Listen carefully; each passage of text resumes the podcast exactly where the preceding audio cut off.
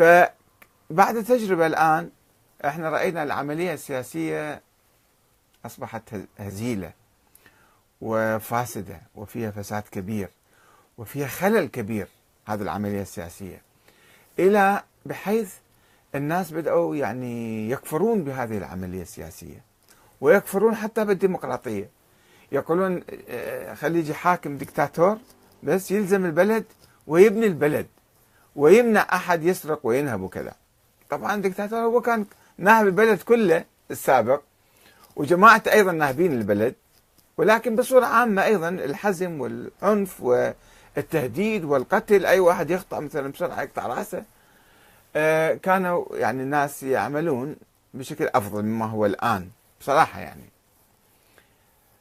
آه، إحنا أيضا نريد نظاما قويا إما مثلا إصلاح في في في النظام البرلماني. كما تعرفون الآن هو نظامنا نظام برلماني. يعني ننتخب برلمان والبرلمان ينتخب رئيس الوزراء أو رئيس الجمهورية. وهناك نظام آخر في الأنظمة الديمقراطية هو النظام الرئاسي أو النظام المشترك بين الرئاسي والوزاري البرلماني. آه، مثل فرنسا مثلا فيها نظام مشترك بين الرئيس عنده صلاحيات ورئيس الوزراء عنده أيضا صلاحيات. وفي بعض الأنظمة لا رئيس الجمهورية مثل أمريكا هو رئيس الجمهورية. كل السلطات التنفيذية بإيده. وهناك مجلس آه، كونغرس مجلس برلمان ومجلس آه، يعني شيوخ يسموهم مع بعض. آه، يعني يقررون ويراقبون الحكومة والحكومة في صراع معهم دائما. المهم النظام اللي عندنا الحالي هو نظام برلماني ضعيف. أفرز المحاصصة. لأن لازم نرضي كل الطوائف وكل الأحزاب وكل القوميات وكل المدن. فصار النظام نظام المحاصصة. وكل وزير يدخل الحكومة وهو قوي. أقوى من رئيس الوزراء حتى ربما ما يقدر يقيله. شفتوا أقال رئيس وزراء في اليوم؟ أقال واحد. لأنه مفروض بعليم الأحزاب ضمن تركيبة لازم هذا الوزير تقبله. والوزير يتصرف كأنه ملك كأنه إمبراطور.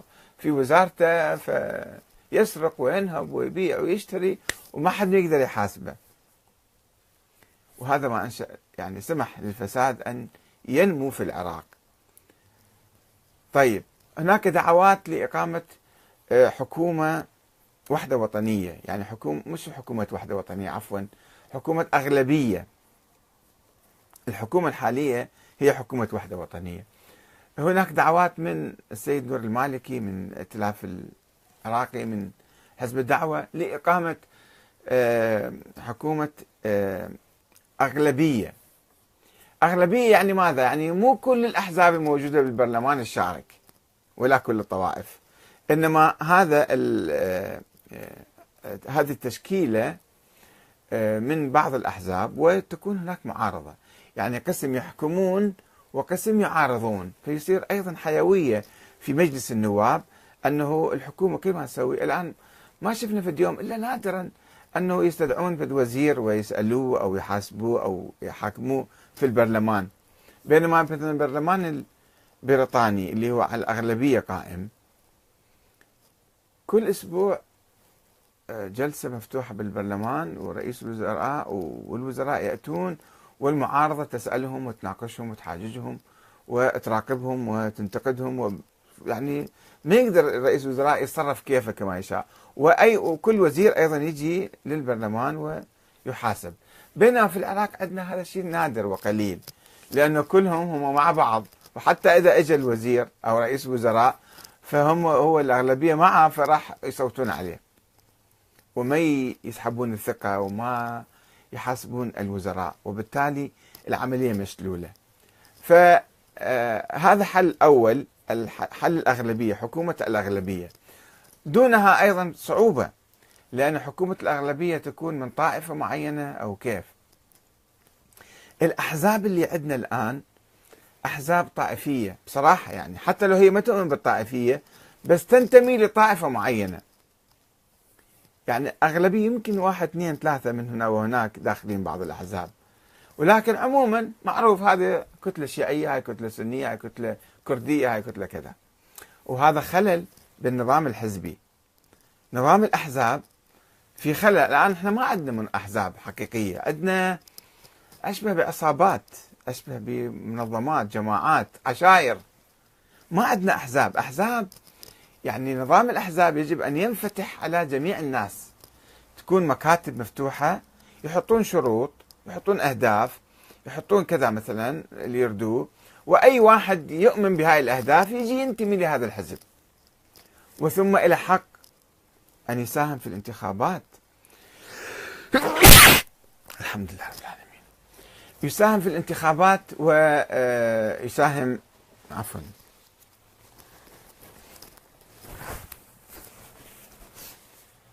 يرشح أيضا للانتخابات فيصير ترشيح في الدائرة مالته في دائرة المنطقة أو المحافظة أو القضاء مثلا يرشح نفسه للانتخابات ويصعد في الحزب ويرشح نفسه حتى لقيادة الحزب. أي واحد يدخل في الأحزاب ممكن هو اليوم عضو صغير بكرة يصبح قائد بالحزب. الحزب مفتوح حزب ديمقراطي. لأنه هذا هذه الأحزاب معناتها. أما عندما تكون الأحزاب مثل عصابات لا. أنا أسست الحزب أو أنا خطفت الحزب. حتى لو ممكن مؤسس الحزب. بصراحة مثلا أنا أتكلم السيد عمار الحكيم. عما كان عضو في مجلس الأعلى ثم أصبح واجهة ثم أصبح الرئيس ما كان رئيس المجلس الأعلى ولا هو اللي أسس المجلس الأعلى الإسلامي للثورة الإسلامية في العراق. وأنا كنت يعني في الأجواء. آه، ثم هو خطف يعني هو صار هو الوحيد الواجهة من المجلس الأعلى. ثم استشهد رحمة الله عليه فجاء أخوه عبد العزيز الحكيم. ثم أيضا توفى رحمة الله عليه اجى ابنه سيد عمار صار هو رئيس الحزب. طيب كما يقول الشيخ المولى أنه واخرون في أعضاء المجلس أنه هو انفرد بالحزب وصار يقود كما يشاء ويسوي كما يريد وما يستشير أحد وما يسأل أحد وما يسمع كلام الآخرين. وطلع كل الآخرين الأعضاء الكبار اللي أكبر من أبوه من كذا. ما لهم أي دور بال... ولا قرار في داخل المجلس الأعلى اللي تحول إلى حزب حزب المجلس الأعلى. طيب هاي معناتها ماذا؟ يعني أنه في فس... القانون خاطئ. قانون الأحزاب ما مطبق هنا. أنه أنا أجي ورثت الحزب من ابوها مثل عشيرة صار. عشيرة المجلس الأعلى.